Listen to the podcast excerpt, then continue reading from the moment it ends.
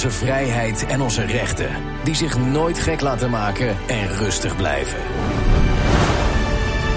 Dit is de Jensen Show. Robert Jensen.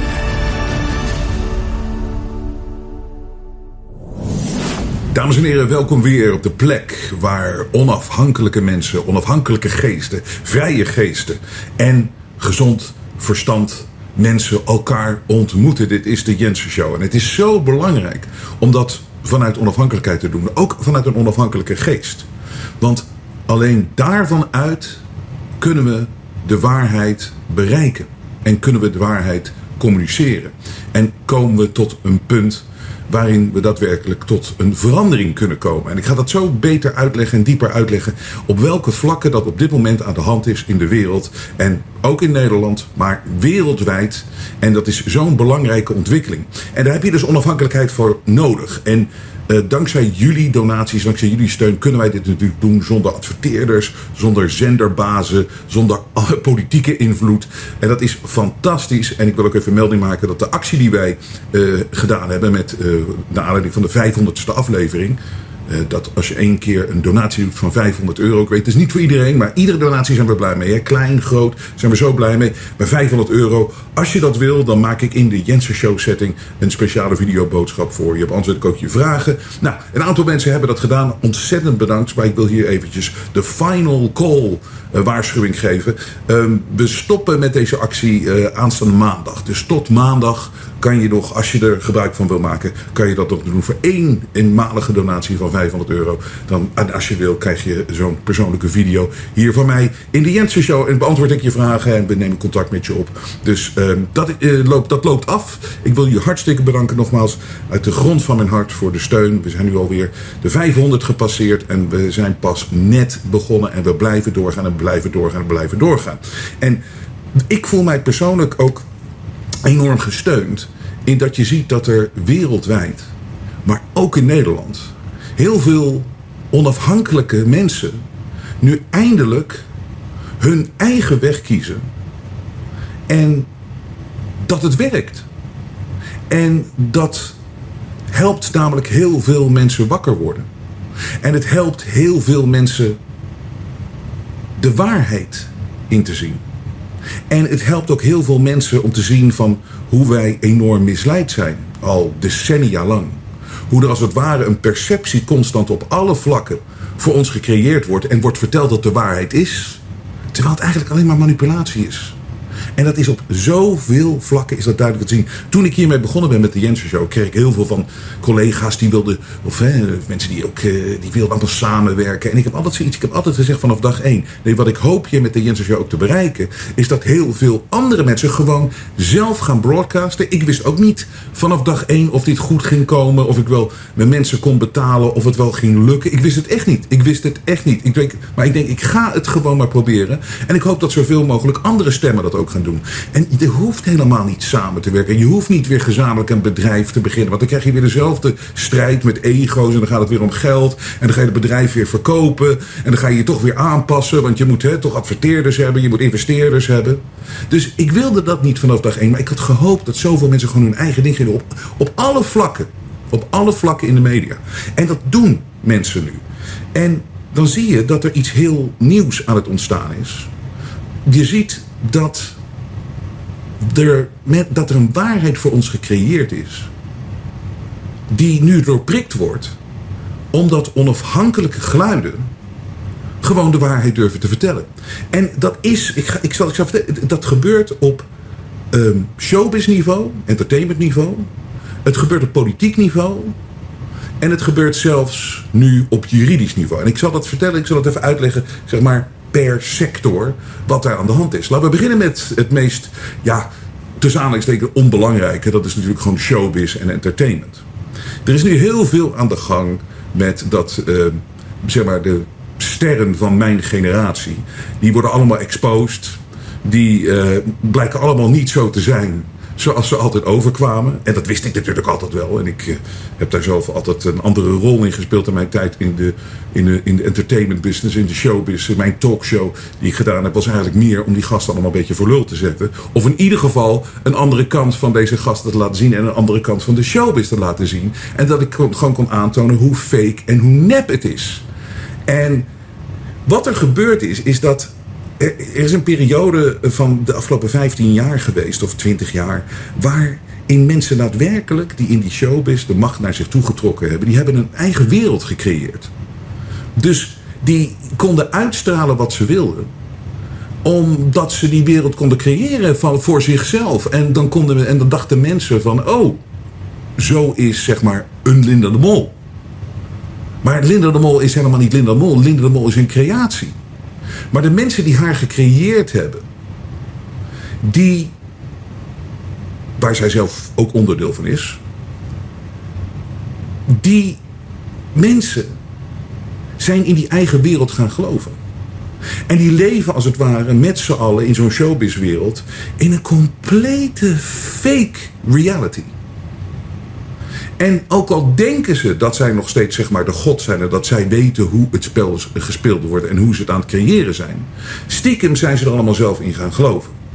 En wat ze toen ook gedaan hebben natuurlijk, ze hebben showbiz-programma's gecreëerd, à la een shownieuws of een RTL Boulevard, waarin ze eigenlijk met hun eigen propaganda de hele dag komen en hun eigen fake wereld in stand houden. Maar het is allemaal fake. Het is allemaal fake. Maar dat stort natuurlijk de echte werkelijkheid in de weg. Maar dat, daar houden die mensen natuurlijk van. Die houden van gewoon de controle hebben over die fake wereld, over die nepwereld. En zij kunnen fantaseren, zij kunnen als het ware er een toneelspel van maken. En zij kunnen verhaallijnen creëren. En zij kunnen uh, imago's bouwen rondom mensen. En ze kunnen natuurlijk ook imago's afbreken. Ze kunnen mensen ook kapot maken. En dat hebben ze zoveel jaar gedaan. Ze zijn daar zo aan gewend geraakt. En het was natuurlijk ook zo, als iemand wel de waarheid begon te spreken over die fake wereld, dan konden ze die gasten natuurlijk heel goed negeren of omkopen. Weet je, jij mag even plaatsnemen aan de tafel. En jij mag een vaste gast worden. Maar dan moet je wel even moet je niet gaan vertellen wat er echt aan de hand is daar bij de Voice. Of je moet niet vertellen wat er echt aan de hand is daar. Of je moet niet echt... En dan langzaam konden ze mensen corromperen. Dus, want ze hadden die macht. Er was een soort van... Ja, uh, een soort van hongersnood. Omdat er niet zoveel plekken waren waar je kan zitten. Dus als je een carrière al in die business wilde hebben... dan moet je altijd aanpassen. Dus dan moet je weer aanpassen aan die fake wereld. Die zij gecreëerd hebben. Maar wat is er natuurlijk ontstaan de afgelopen periode? De zogenaamde Juice-kanalen. En de mensen die dat doen, is, het, is, het is weer onafhankelijke media. Dus wat gebeurt er opeens? Deze mensen, en die Yvonne is uh, de grootste volgens mij. Ik ben helemaal niet, ik ben compleet uit die entertainment business. Maar zij is volgens mij de leider van dit moment, of in ieder geval de grootste. Maar er zijn er veel meer. En wat die mensen hebben, die kunnen door ook steun van waarschijnlijk uh, hun audience, die kunnen zoiets hebben van, weet je wat, John de Mol, dikke vinger. Ik pas me niet meer aan aan jou en ik laat me niet meer door jou klein krijgen. Ik, uh, ik, ik, ik doe het gewoon onafhankelijk. Ik kan hier gaan voor het echte verhaal. En ik weet, we hebben het nog steeds alleen nog maar over die nep showbiz. Maar we gaan het zo even uh, naar de echte wereld, wat ook een nepwereld is. Maar dan gaan we daar eens naartoe brengen. Maar die kunnen ook zeggen tegen een tegen een RTL Boulevard. Ik ga nooit meer met jullie zitten. En het interesseert me eigenlijk helemaal niet. En weet je wat het nog erger is? Ik werk aan alles en wij merken aan alles dat jullie showbiz-programma's, dat niemand gelooft er meer in. Want iedereen weet dat nu maar dat het propaganda is. Iedereen weet dat al die mensen die jarenlang op een bepaalde manier gemarket zijn als fantastische mensen, geweldige mensen, dat in het echt ze heel anders zijn. En wie hebben deze mensen exposed? Juist in de onafhankelijke wereld. Zijn die mensen, is de waarheid naar boven gekomen? En dat zie je dan nu aan een Linda de Mol, die dus nu helemaal in paniek uh, raakt. Want zij is zo gewend gewoon altijd het narratief te kunnen beheersen, controleren. Haar eigen wereld. ze, haar eigen nepwereld te kunnen, kunnen creëren. En nu wordt ze dus gepakt op heel veel dingen. Dit zijn deze mensen niet gewend. Dus die gaan nu om zich heen slaan. Maar ze hebben inmiddels iets verloren wat niet meer terug gaat komen. Ze gaan hem niet meer terugwinnen. Want er is onafhankelijkheid. Er, is, er zijn onafhankelijke geluiden nu.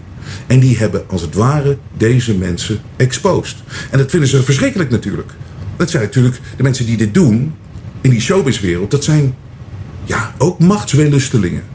En die zijn gewend geraakt, het zijn control freaks. En die zijn gewend geraakt aan de controle. En die geven dat niet zo makkelijk op. Maar ze zijn het helemaal aan het kwijtraken. En sterker nog, ze zijn het kwijtgeraakt. Het enige wat ze kunnen hopen en kunnen doen... is dat deze geluiden, de onafhankelijke geluiden... dat die gecensureerd gaan worden. Dat die dus niet meer onafhankelijk kunnen opereren. Dat is het enige wat deze mensen kunnen, voor kunnen hopen. Maar het is voorbij. Dus dat is dat oppervlakkige entertainment. Onbelangrijk.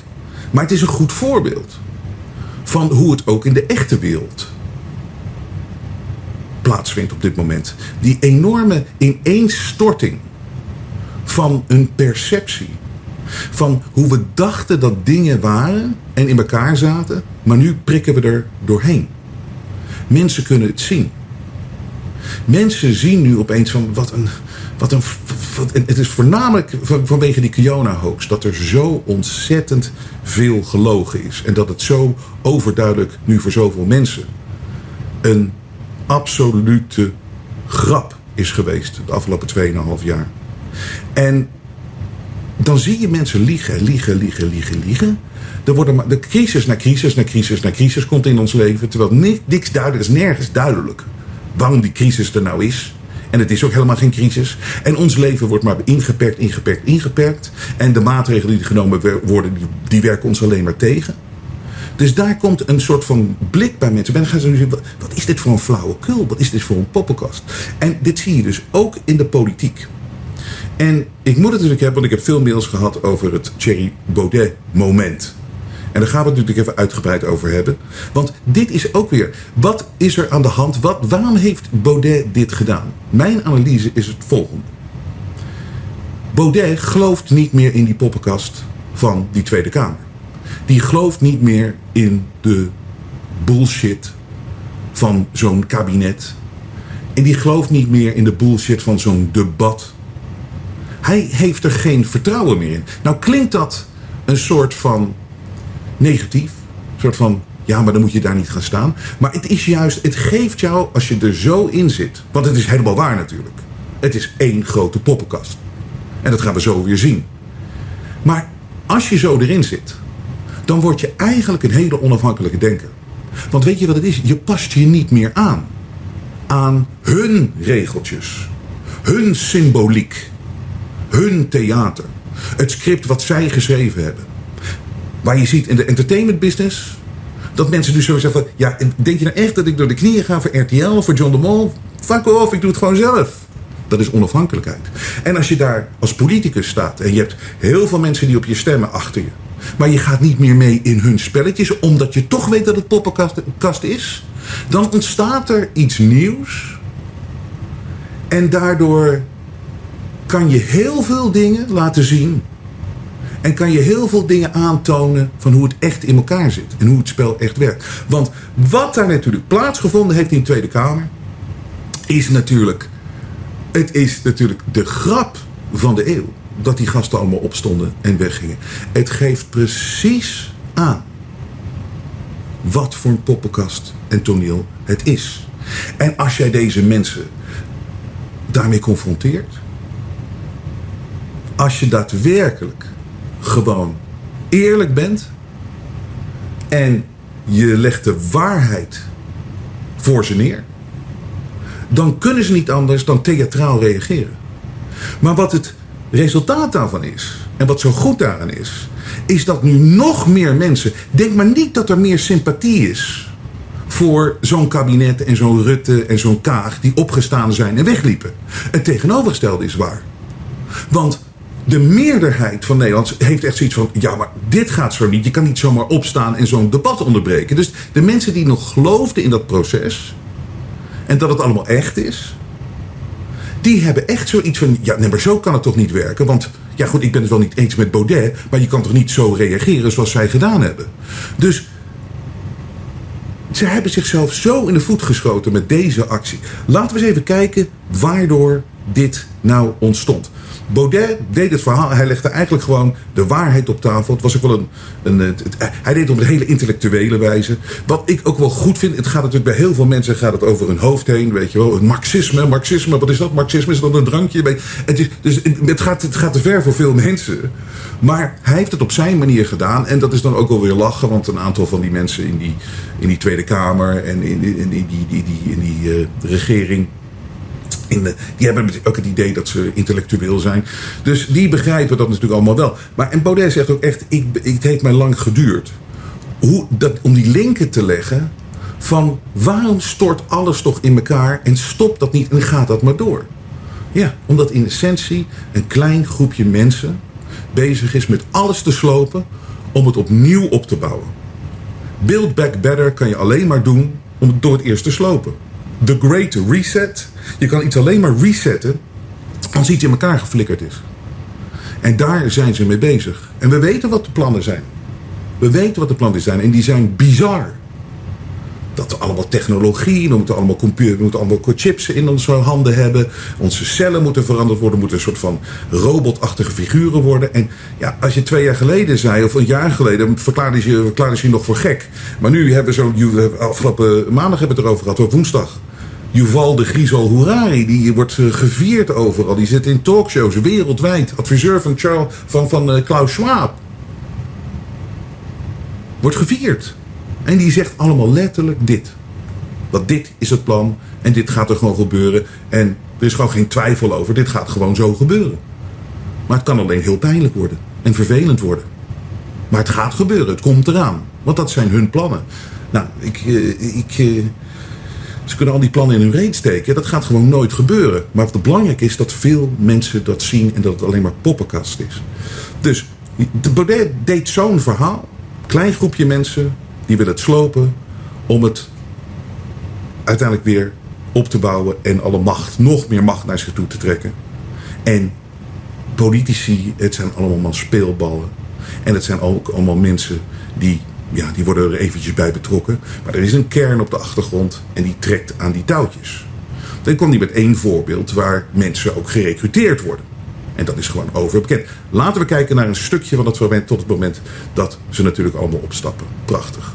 Ondanks de kunstmatige en oppervlakkige tegenstelling tussen kapitalisme en communisme die ontstond na uh, het einde van de Tweede Wereldoorlog, bleef het marxisme dus ook tijdens de Koude Oorlog springlevend in het Westen. In de vorm van het cultureel marxisme. Dat op universiteiten, in vakbonden, in de media en in de geheime diensten hoogtij vierde.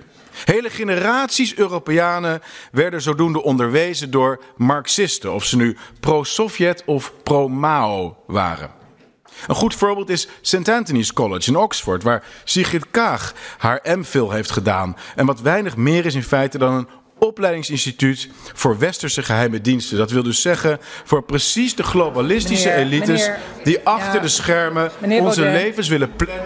Meneer Baudet, we hebben de afspraak gemaakt. Het gaat niet over de persoon. De minister is hier aanwezig als minister van Financiën. Het gaat er helemaal niet over waar zij gestudeerd heeft. Dus ik vind ook een soort complot over waar ze gestudeerd heeft, vind ik echt niet gepast.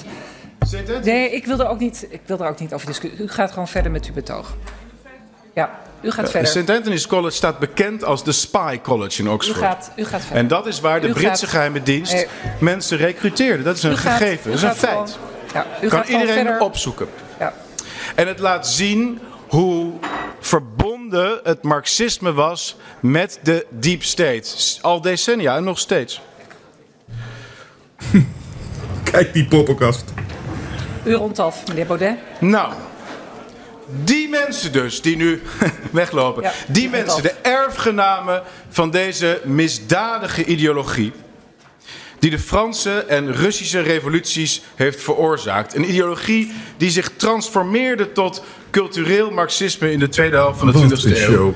Die mensen hebben de agenda van het moderne globalisme bepaald. En ik kan niet begrijpen waarom de leden van het kabinet Ja. nu weglopen. Het is een feit dat Sigrid Kaag aan Nou, het St. Anthony's College in Oxford ja. heeft gestudeerd. En het is ook een feit dat dit een perfect voorbeeld is van de verbondenheid van geheime diensten, Ja. marxisme en de recrutering van Ik, een eh, mondiale deep state. Ik schors de vergadering even voor een moment. Ik schors de vergadering even voor een moment. Er opent de vergadering. Stel voor dat we schorsen nu voor een dinerpauze tot kwart. Wacht, wacht, wacht. Er zit niemand meer in vak K. Dus dat is voor mij de reden om te schorsen nu voor een dinerpauze tot... Ja? Je Nee, wilde- voorzitter, een punt van orde. Ja. Want je kunt niet zomaar even hier met wat collega's praten en dan de regels eh, doen. En wat je ook ik. eh, mag vinden van het eh, betoog van collega Baudet. Hij heeft het recht om hier zijn spreektijd te vullen. Exact. En ik sta er ook op dat het kabinet eh, vertegenwoordigd is. Ik vind Ja. niet dat u nu kan zeggen, we stoppen ermee. Het is pauze. Hij heeft nog volgens mij tijd eh, te gaan. Nog vier minuten. En hij heeft recht als ieder Kamerlid om dat te doen. En het kabinet hoort er ook te zijn. Ja.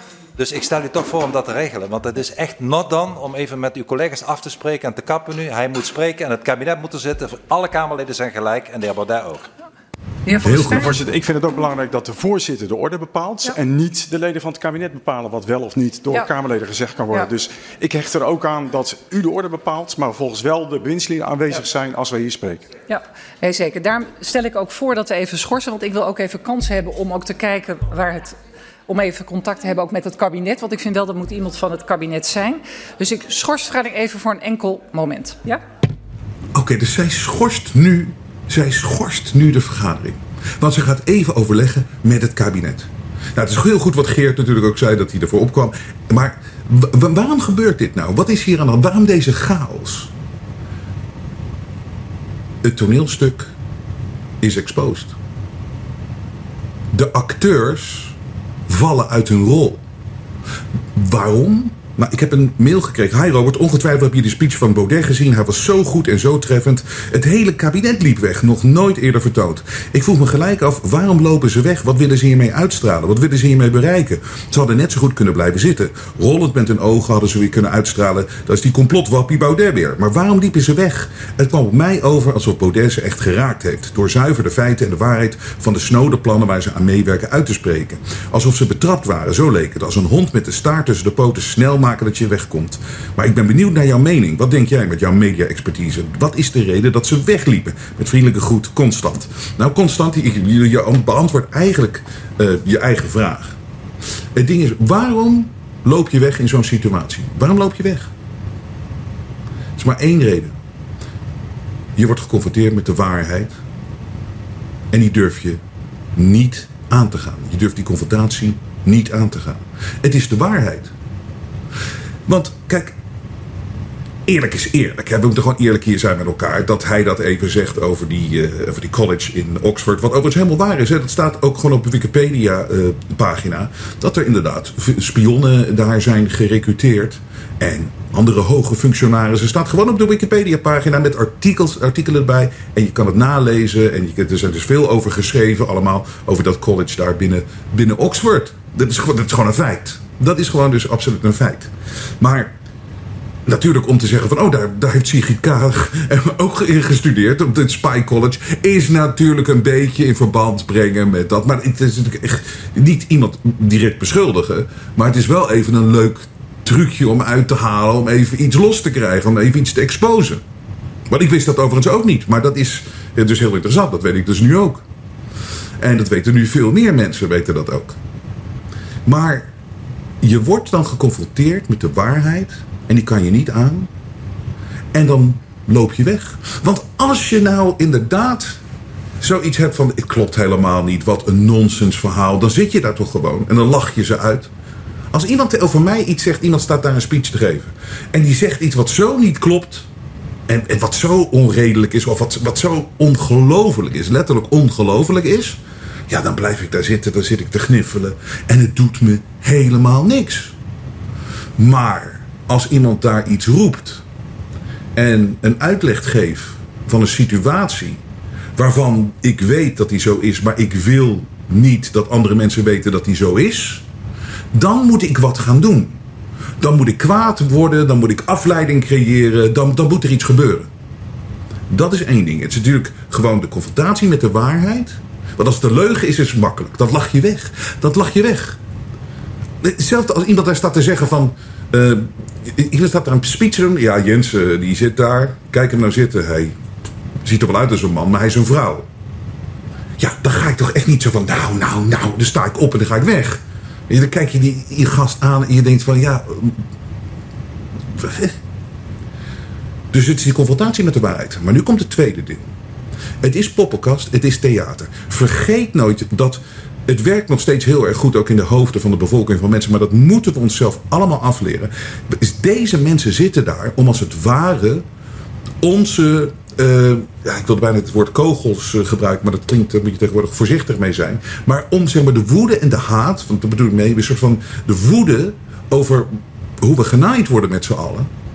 Zij zijn daar om de klappen op te vangen. Zij zijn daar om de klappen op te vangen. Om daar te staan als een muur.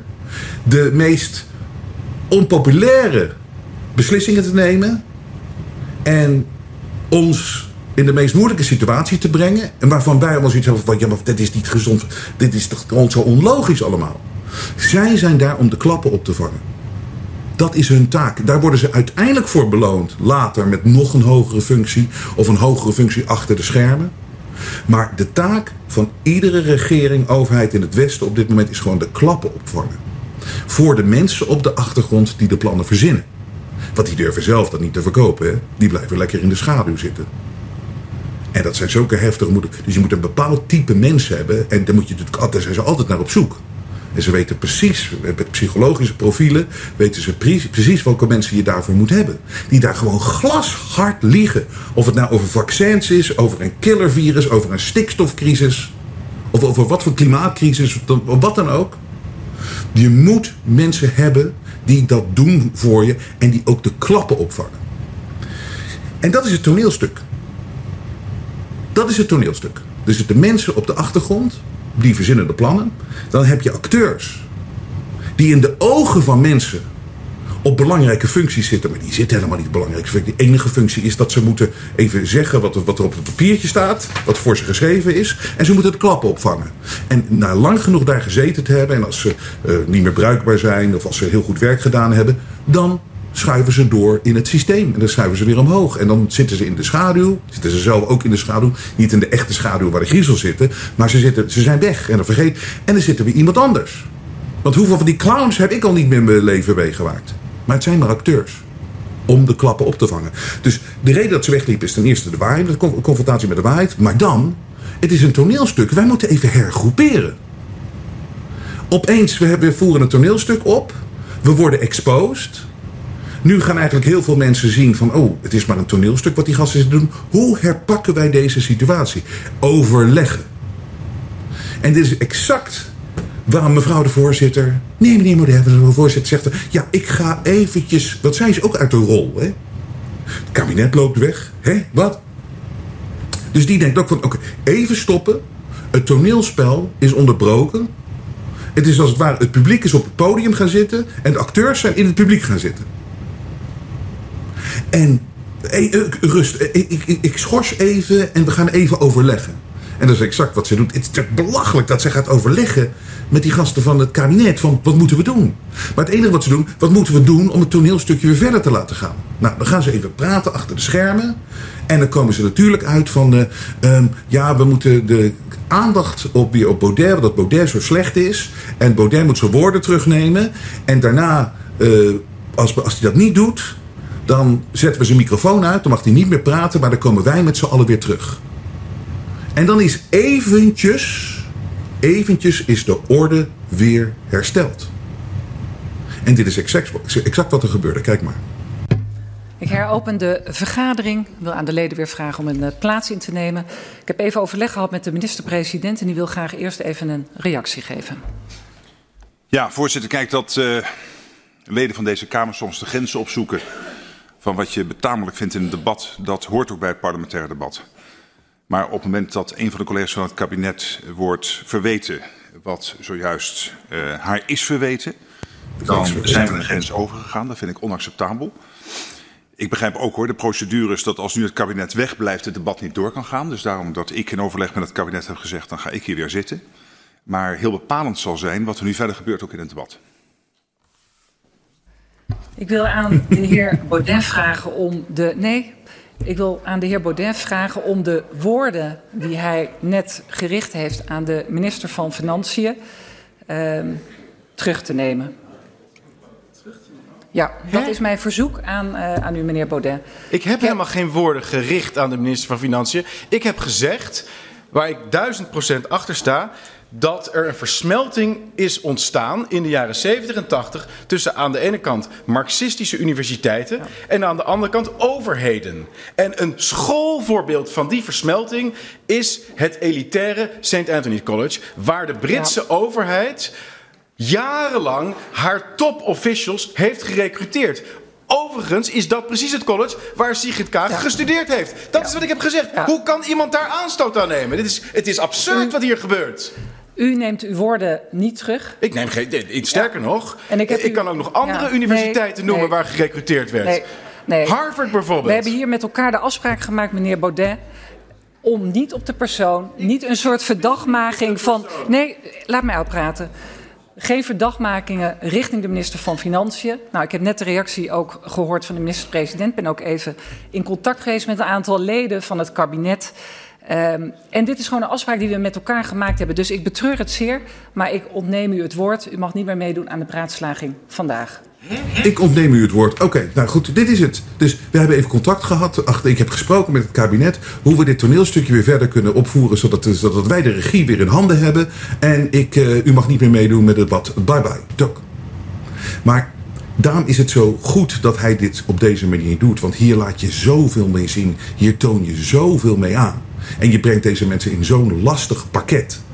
Dus dat heeft, veel meer waarde dan zo'n nep debatje voeren en met een vraagje hier en een interruptie daar en een zusje en zo. Boom voor de waarheid gaan. En dan zie je dan, Lazert, die hele illusie, die perceptie van deze volwassen democratie en het huis van de democratie. Het, het lazert helemaal in elkaar. Je stel dat je kinderen die weglopen als ze, als, ze, als ze geconfronteerd worden met dat ze iets fout gedaan hebben, dat ze iets fout doen met de waarheid. Het is prachtig om te zien. En dat kan alleen maar vanuit die onafhankelijke vrije geest van het interesseert mij niet meer. En je kan mij niet meer manipuleren. En ik ga niet meer meedoen met jullie regeltjes en jullie spelletjes, want ze kloppen niet. Het is niet meer integer wat jullie aan het doen zijn. Dus ik zei dat net over de entertainment business. Je hebt de boel zitten voor te liegen met een toneelstukje van mensen die zogenaamd op, op een bepaalde manier uh, zijn en die helemaal niet zo die tegenovergestelde zijn. En dan heb je de, de politiek. Jullie zitten daar een toneelstukje voor te doen. Dat wij daadwerkelijk uh, nog wat te zeggen hebben als burger. En dat het allemaal nog zo werkt. En dat er een uh, open debat is in de Tweede Kamer. En weet ik veel wat allemaal. Maar je ziet, het is gewoon een, toneel, een toneelstukje. En jullie zitten daar maar. En alles is van tevoren afgesproken. Dus we doen niet meer mee. Nou, we exposen het wel. En dat is prachtig. En ik heb hier nog zo'n voorbeeld. Dit was gewoon, gewoon chaos. En vanuit die chaos. Chaos is heel erg belangrijk in deze, in deze fase. Uh, want chaos creëer je natuurlijk door de confrontatie met de leugen aan te gaan. En dat is zo belangrijk. Want daar kunnen ze niet tegen. Er moet totale controle constant zijn op het narratief. Want de waarheid mag niet naar boven komen. Daarom is die censuur. En die komt, dat, dat, dat gaan ze op alle manieren proberen te doen. Iedereen moet gecensureerd worden die de waarheid spreekt. En dat zie je hier ook. Hier wordt gewoon, u mag niet meer meedoen met het debat. En de microfoon wordt uitgezet. Ja, knijtergek natuurlijk. Knijtergek. Maar goed, laat iedereen het maar zien en dat is goed. Maar het is zelf nu ook, weet je, in juridische wereld, in de, bij de rechtbank, de rechtspraak. Um, daar hebben ook natuurlijk terecht heel veel Nederlanders nu zo'n gevoel over van... Poef, is het nou allemaal wel. Ik bedoel, het is, Nederland is zeker niet het slechtste land uh, ter wereld uh, op dat vlak. Maar het is ook niet zo goed en zo helder en transparant en zo politiek neutraal als dat we ooit gedacht hebben. Maar er is nergens waar het zo erg is, in mijn optiek, in het, in het zogenaamde Vrije Westen als in Amerika op dit moment. Het is dood en doodeng wat daar gebeurt. Als je al kijkt naar dat gewoon de FBI bij Trump in zijn huis binnenvalt. In, door zijn slaapkamer gaat en hij heeft laatst in een interview gezegd dat de FBI heeft zelfs bij die raid uh, on Mar-a-Lago... heeft zelfs zijn testament meegenomen. Zijn testament. Dit is de vorige president van Amerika. En dat gaat natuurlijk helemaal niet voor de, mensen die gaan zeggen van... ja, maar als die documenten, vertrouwelijke documenten heeft meegenomen... dan is dat te rechtvaardig. Schijn nou toch uit. Zo werkt het helemaal niet. Er is nog nooit iemand hiervoor, uh, is er nooit, zeker niet een oud-president, is binnengevallen omdat er een document. Terwijl de Clintons hebben zoveel meegenomen, die hebben een hele, uh, hun, hele hard, hard drive hebben ze gewist met allemaal vertrouwelijke informatie erop. Dat is allemaal duidelijk, dat is allemaal aantoonbaar. Er is nooit wat gebeurd en zeker geen, um, geen huis, persoonlijk huis binnengevallen door de FBI. Dit is een puur politiek verhaal en zo gaat het maar door. Gisteren weer, de Attorney General van New York gaat de hele Trump-familie aanklagen. Die wil 250 miljoen dollar. En waarom? Om de doodsimpele, doodsimpele, dit, dit is de zaak die ze probeert te maken. Trump heeft ooit leningen aangevraagd bij de bank. En nu zegt Attorney General dat hij gedaan heeft alsof zijn appartement en of zijn gebouw die hij heeft en Mar-a-Lago. Hij heeft bij de bank gezegd dat dit, dit Mar-a-Lago is 75 miljoen waard. Of 250 miljoen, ik weet de getallen niet precies uit mijn hoofd. Maar in de realiteit is het veel minder waard.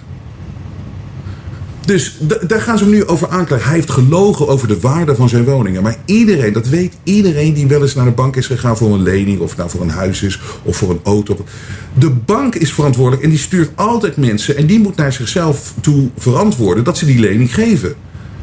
Er is niemand die, die naar een bank toe kan stappen en zegt: joh, mijn huis, ja, dat is uh, wel 10 miljoen waard, hè, terwijl het een ton waard is dat wordt altijd onderzocht door de bank zelf. En de bank zelf tekent af op de waarde en tekent af op de lening. Dus het is een complete nonsens. Maar het is gewoon puur politiek. En dat, zelf, dat geldt ook voor de rechtszaak die nu plaats weer vindt in Connecticut tegen Alex Jones. En dat gaat natuurlijk weer over die shooting, die school shooting die hij um, heeft geroepen terwijl het live bezig was. Hij, hij zegt, hij, dit ziet eruit als een false flag uh, operation. Een false flag operation is zeg maar dat de overheid dit zelf in scène heeft gezet.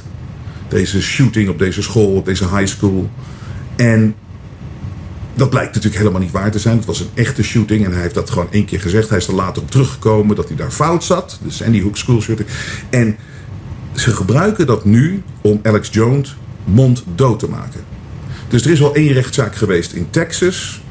Waarin hij zichzelf niet mocht verdedigen. Dat was van tevoren al afgesproken. Hij mocht niet zeggen dat hij het recht had om zijn verdenking uit te spreken. Dat het een false flag was. Want dat heb je in Amerika. Je hebt dus de First Amendment. Dat, dat is het allerbelangrijkste. Freedom of speech. En dat blijft in een hoger gerechtshof altijd overeind. Freedom of speech is het allerbelangrijkste in, in, Amerika. En dat is de First Amendment. Het is vastgelegd. Iedere Amerikaan heeft dat. Ja, je kan het er niet mee eens zijn, maar je hebt wel het recht om te zeggen. Maar dat hebben ze nu. Ze hebben een politieke rechtszaak met de, met de juiste politieke rechters.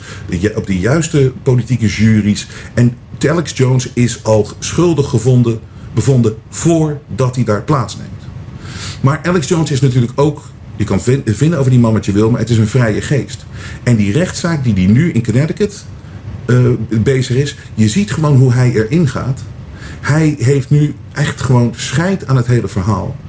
Hij heeft gewoon scheid aan wederom de symboliek van zo'n rechtszaak. Als het toch al van tevoren allemaal gepland is. En hij weet toch wat het die schuldig bevonden gaat worden. Hij krijgt niet eens het recht om zichzelf te verdedigen. Als je de rechtszaak ziet, het is niet te geloven. Hij mag op de vragen van de, van de tegenadvocaat mag hij eigenlijk alleen maar beantwoorden op, uh, met ja, nee of ik weet het niet. Hij kan geen context geven. Hij mag niet als verdediging de First Amendment. Hij mag het niet over de Clintons hebben. Hij mag het over niks hebben. Dat is van tevoren al bepaald. Dus je wordt in de verdediging gedrukt, maar er wordt tegelijkertijd gezegd wat je wel en niet mag zeggen. En hij heeft zoiets, hij zit daar nu, en hij is natuurlijk wel geïrriteerd, maar hij gooit gewoon de beuk erin. En dan zit daar, en dan moet je, ik ga één fragment laten zien, want dit is ook weer die chaos. Dat theater van de Amerikaanse rechtspraak. En er komt zo'n zo'n advocaat. Die gaat dan, wijst dan op een aantal van die ouders van de overleden kinderen van die Sandy Hook shooting. In, het publiek. En dan gaat hij zo'n theater maken, zo helemaal op de emotie spelen. En Alex Jones heeft al 80 keer zijn excuses aangeboden. Dat hij in eerste instantie te snel gezegd heeft dat hij dacht dat het een false flag is. En hij zegt: ik ben er nu klaar mee. Maar dan gaat toch zo'n advocaat gaat weer dat hele spel doen. En kijk naar de reactie op het moment dat Alex Jones dat gewoon niet meer pikt. En dat hij gewoon niet meer meegaat in die stomme regeltjes met ja, nee en dat hij in een bepaalde hoek gedrukt wordt. Want hij weet toch, Ik heb al verloren en ik heb een vrije geest. Nu maakt het me niet meer uit. Robert Parker's sitting right here. He's real, isn't he? Yes? And for years, you put a target on his back, didn't you? Objection to the form of that, Judge. Well, I mean, I, I, Didn't you? I've admitted I've said his name. It's true. I haven't said other people's names. We know who they are. You put a target on his back just like you did every single parent and loved one sitting here, didn't you? No, I didn't. No, you didn't. That's argumentative. There's no, there is speculative. There is no foundation for it, and it's inappropriate to this time. These are real people. You know that, Objection, Mr. Judge. Jones? I think you just told him to move on. Just like all the Iraqis, but you liberals kill and love. It's just, you're unbelievable. You switch on emotions on and off when you want. You're, it's just ambulance chasing. Ambulance chasers. Objection, Judge. I think that you get what you give in this court. Objection. You have families in this courtroom here that lost children, sisters, Gaat hij weer de wives, emotie? moms. Is this a struggle session? Are we in China? I've already said I'm sorry hundreds of times, and, I, and I'm done saying I'm sorry. I didn't progenerate this. I wasn't the first person to say it. American gun owners didn't like being blamed for this, as the left did, so we rejected it mentally and said it must not be true. but I legitimately thought it might have been staged, and I stand by that, and I don't apologize for it. And, and, and don't apologize, Mr. Jones. Please don't apologize. No, I've already apologized to the parents over and over again. we know I you're don't apologize to you. objection, don't apologize to you. You're going to do it again. Objection, Judge. Aren't you? Objection. I'm not. Objection. Argumentative. Don't apologize to you. Well, it's hard for me to get a word in edgewise. Dit is It is, echt. Because your there's client- one officer of the court and one witnesser. Dit zie je nooit in de rechtszaak in Amerika. And I can't rule on your attorney's, excuse me, I'm sorry, just oh, don't leave. I can't rule on your attorney's objection. Understand. Keep Talking, and he may have legitimate. You're right. I'm sorry. I'm trying. Because there's going to be another Robbie Parker, isn't there? Objection, Judge. No. Sustained. There's going to be another. Objection. Can I get my questions out? When it's the same form, second time, the inference is it's going to also be objection. I didn't say Parkland was fake. I didn't say Uvalde was. And, and no, I. Okay, so that's a fact. What did you say about Aurora? Objection. Uh, what, before this, What did you say about Excuse I'm me, are you objecting to the objecting your I believe it was a real shooting, but he was in a mind control program, just like Theodore Kaczynski. Sorry. Are you objecting to your client's answers, Attorney Both. That's Pattis? both the answers. Het is gewoon complete chaos. En dat is ook gewoon omdat Jones zoiets heeft van... joh, jullie je vinden me toch allemaal eh, schuldig. Je hebt me schuldig bevonden. Het heeft allemaal geen zin meer. En dat is soms nodig om gewoon aan te tonen hoe corrupt alles kan zijn. En dat het moet veranderen. We moeten echt naar iets nieuws toe. We moeten echt naar een nieuwe eh, situatie toe. Want dit kan niet, die poppenkast. Het, alles is politiek geworden. Alles is politiek gemaakt. Maar meer en meer mensen die prikken er doorheen. Die zien er doorheen. En de waarheid heeft iets verslavends. Eerlijkheid heeft iets verslavends. En dat geven mensen niet meer op. En het is ongelooflijk dat het zover heeft moeten komen. Maar dit is het moment van het wereldwijde wakker worden. En er gebeuren weer goede dingen. En in Canada, ja, eindelijk, je hoeft niet meer gevaccineerd te zijn als je naar Canada op vakantie wil of bij de grens. Dat gaan ze er ook van afhalen. En het is alleen die oude Joe Biden in Amerika die nog zo'n vaccinatieverplichting heeft in het Westen. Het is toch ongelooflijk dat je de vaccinatieverplichting of heel veel medische documenten overdragen als je Amerika wil bezoeken. Het is te gek voor woorden. Laten we even wat mails doen.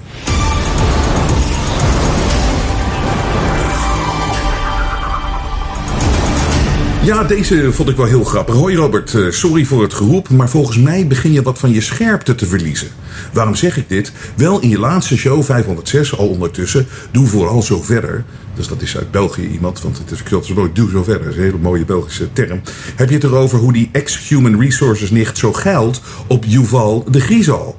Waar je echter niet op inging, was dat die nicht in kwestie gevraagd werd dat hij, eh, dat hij er ooit al een podium meegedeeld had. Trots beaamde deze prime minister ja op het World Economic Forum. Op zich vind ik dit al verontrustend en tergend genoeg, maar kijk maar terug hoe trots Rutte dan die tas van het World Economic Forum toont. Ben ik nu de enige en bovendien dan nog Belg die hier flabbergasted van is? Je zei dat dit het Binnenhof was, notabene het oudste Europese parlementsgebouw. Eh, nou, Vond je het niet zo belangrijk? Of ben je al, eh, eh, ben je al gewoon, of is het gewoon ontsnapt aan je havik-oog? Niet zo super belangrijk, maar ik vind het in ieder geval niet kunnen. Verraad op het hoogste niveau dit. Keep up the good work. Met vriendelijk goed Patrick, een wakkere Belg. Nou, eh, Patrick, goede vriend. Ik zal inderdaad wel mijn scherpte aan het verliezen zijn. Behalve dan dat we dat over dat tasje hebben het al anderhalf jaar geleden gehad hier. En die Yuval de Griezel, daar hadden wij het hier al over... voordat jij ooit van Yuval de Griezel gehoord had. Ook al eh, meer dan een jaar geleden. Dus ik zal het bescherpte proberen te hervinden. Maar wat ook weer aangeeft dat hoe belangrijk het is soms... dat zie je aan zo'n reactie. Want ik denk dat Patrick wel heel veel kijkt en luistert. Maar die mist dan gewoon dat we het hier al zo vaak over gehad hebben. En daarom is herhaling... En voor sommigen te zeggen van... Jens, waarom herhaal je constant die, die feiten over Kiona? Het is zo belangrijk om te blijven herhalen. Ten eerste omdat we constant nieuwe kijkers en luisteraars erbij krijgen. Maar ook, ja... Niet iedereen ziet altijd alles, dus dat is belangrijk. Hi Robert, wij zijn 50 plus en luisteren allemaal. Vriendelijke groeten, Robert den Oude. Hartstikke goed. Eh, dit is naar aanleiding natuurlijk van het feit dat eh, ja, Arnold Karskens zei van dat ik, eh, of dat de mensen zeiden het is goed voor me dat ik promotie bij de publieke omroep krijg, omdat er zoveel oude mensen daar kijken die niet naar de Jensen Show kijken, of oudere mensen. Terwijl ik heb gezegd, je weet niet, de, onze, onze audience is zo groot en zo breed, het is zo fantastisch. Jong, oud, iedereen kijkt en luistert. Ik heb helemaal, het, je kan me niet kwader maken dan te zeggen dat ik die omdat ik die audience van de publieke omroep nodig heb voor ons om hier ons ding te doen. Wel, nee. Hi Robert, ik ben 72 en luister en kijk al vanaf het begin. Mijn vrouw en ik hebben de discriminerende COVID-19 maatregelen continu gemerkt. Van mondkapje tot in de auto, ons patatje opeten omdat we niet gevaccineerd waren en dus niet in een cafetaria mochten komen. Ik ben zeer in mijn schik dat steeds meer mensen zien hoe ze belazerd zijn. Regelmatig doe ik een duit in je donatiepot en hoop van harte dat nog steeds meer mensen jou consumeren. Met, goed, met vriendelijk groep, goed Joop. Beste Robert, vandaag weer jouw show gehoord en gezien en waarin daarin kwam een 86-jarige ter sprake. Tevens werd vermeld dat ouderen waarschijnlijk niet of weinig geïnteresseerd zouden zijn in jouw show. Nou, beste Robert, positief bedoeld hoor, wij, bevriend echtpaar van 83 en 80, hebben al jouw 500 plus shows gevolgd. We hebben grote bewondering voor het feit dat je iedere keer weer de kijkers en luisteraars nieuwe feiten, vaak begeleid door filmpjes, weet voor te leggen.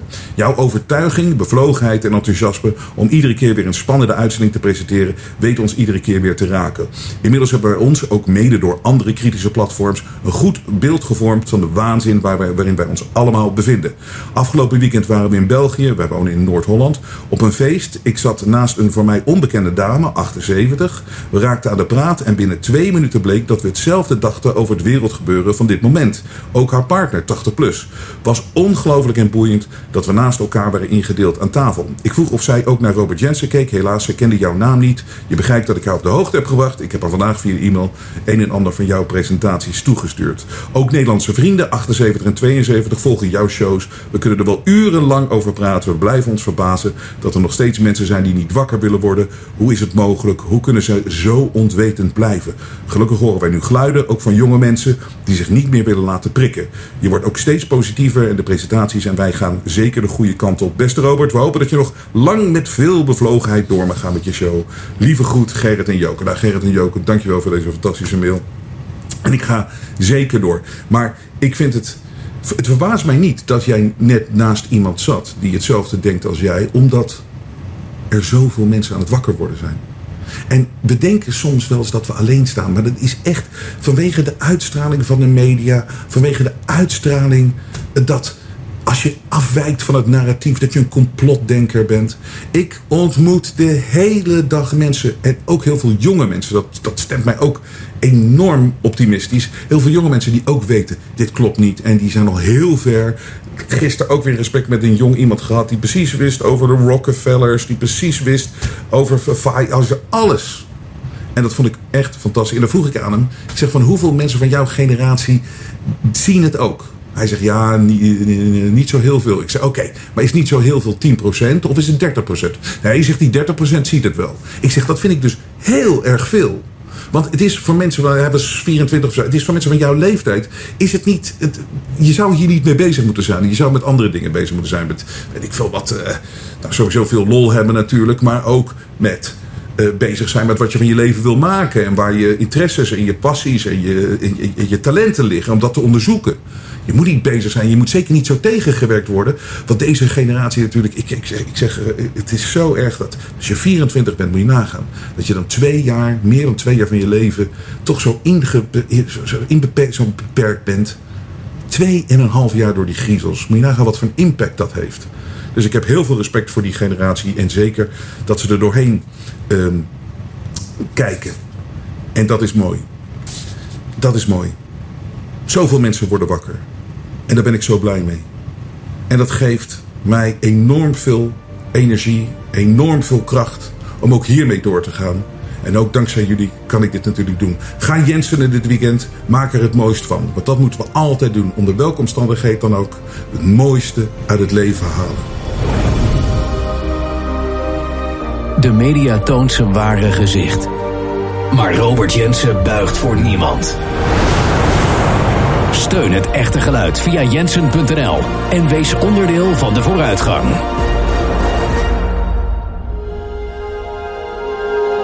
Het vrije geluid laat zich niet censureren.